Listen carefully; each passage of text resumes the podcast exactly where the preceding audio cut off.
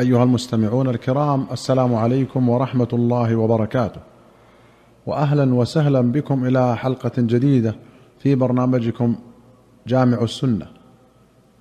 في باب الأيمان والنذور أخرج البخاري ومسلم عن أبي موسى الأشعري رضي الله عنه قال أتيت رسول الله صلى الله عليه وسلم في رهط من الأشعريين نستحمله.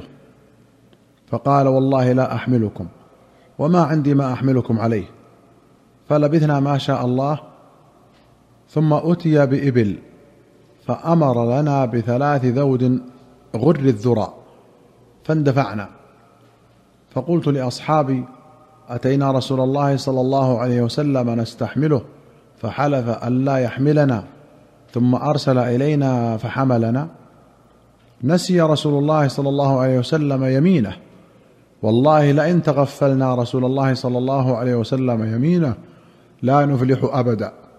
فرجعنا له. فقال ما أنا حملتكم بل الله حملكم.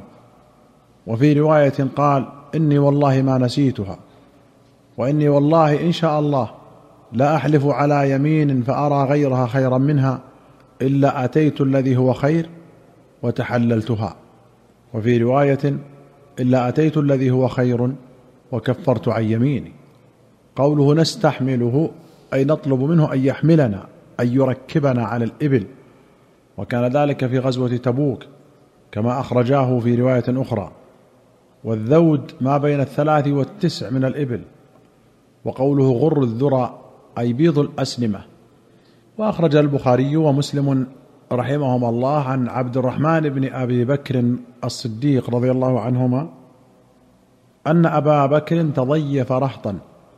فقال لعبد الرحمن دونك أضيافك. فإني منطلق إلى النبي صلى الله عليه وسلم. فافرغ من قراهم قبل أن أجيء. فانطلق عبد الرحمن فأتاهم بما عنده فقال اطعموا.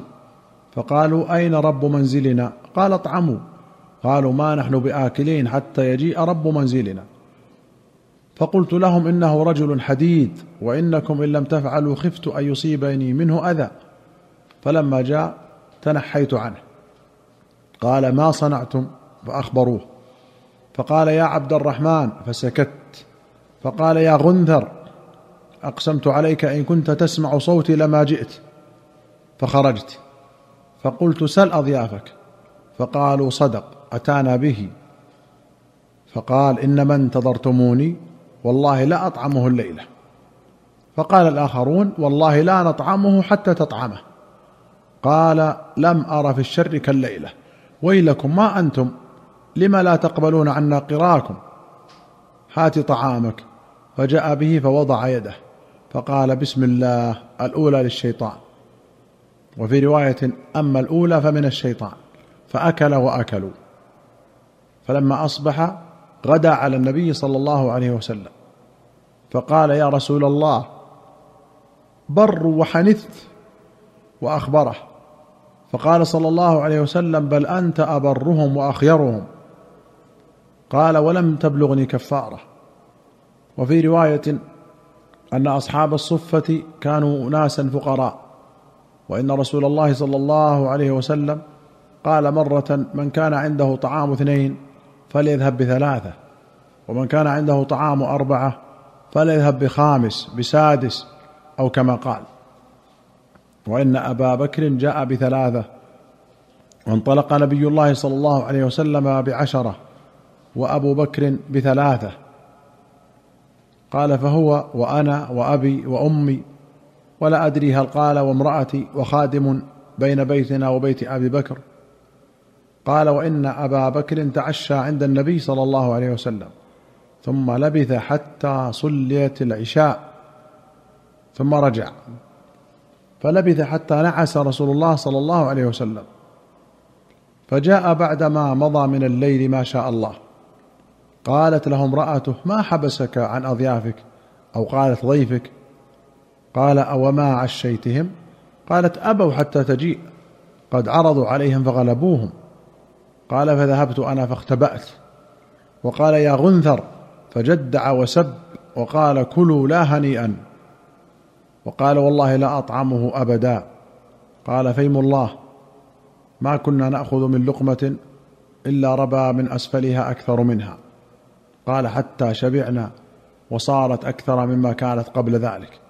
فنظر إليها أبو بكر فإذا هي كما هي أو أكثر. قال لامرأته يا أخت بني فراس ما هذا؟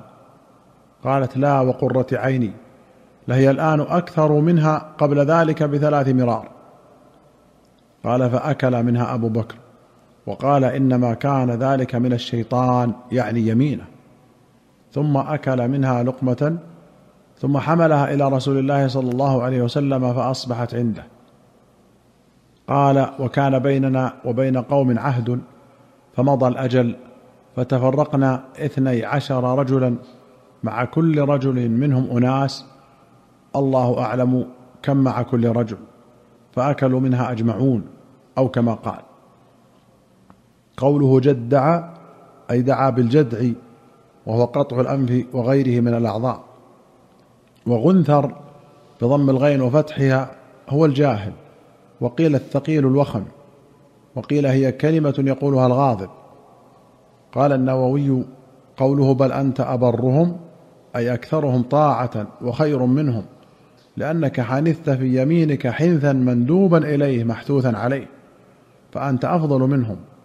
وقوله وأخيرهم هكذا هو في جميع النسخ بالألف وهي لغة. وقوله لم تبلغني كفارة يعني لم يبلغني أنه كفر قبل الحنث. فأما وجوب الكفارة فلا خلاف فيه. وفي الحديث جواز ذهاب من عنده ضيفان إلى أشغاله ومصالحه إذا كان له من يقوم بأمورهم.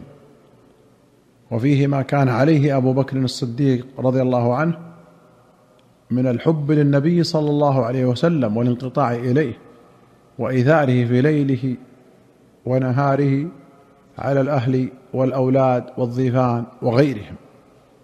وأخرج أحمد وابن ماجه وأبو داود والنسائي وابن حبان والحاكم والبيهقي في السنن بسند حسن عن ابن عمر رضي الله عنهما أن النبي صلى الله عليه وسلم قال من حلف على يمين فقال إن شاء الله فقد استثنى وفي رواية من حلف على يمين فاستثنى فهو بالخيار إن شاء أن يمضي على يمينه وإن شاء أن يرجع غير حنث أو قال غير حرج. ورواه مالك موقوفا على ابن عمر أنه كان يقول من قال والله ثم قال إن شاء الله ثم لم يفعل الذي حلف عليه لم يحنث. هذا مذهب الجمهور. قال في المرقاه قال في شرح السنة العمل على هذا عند أكثر أهل العلم وهو أن الاستثناء إذا كان موصولا باليمين أو مفصولا عنها بسكتة يسيرة كالسكتة للذكر أو للعي أو للتنفس فلا حنث عليه. ولا فرق بين اليمين بالله أو بالطلاق أو بالعتاق. واختلفوا في الاستثناء إذا كان منفصلا عن اليمين. فذهب أكثرهم إلى أنه لا يعمل به إن طال الفصل أو اشتغل بكلام آخر بينهما. ثم استثنى. أيها الإخوة المستمعون إلى هنا نأتي إلى نهاية هذه الحلقة. حتى نلقاكم في حلقة قادمة بإذن الله نستودعكم الله والسلام عليكم ورحمة الله وبركاته.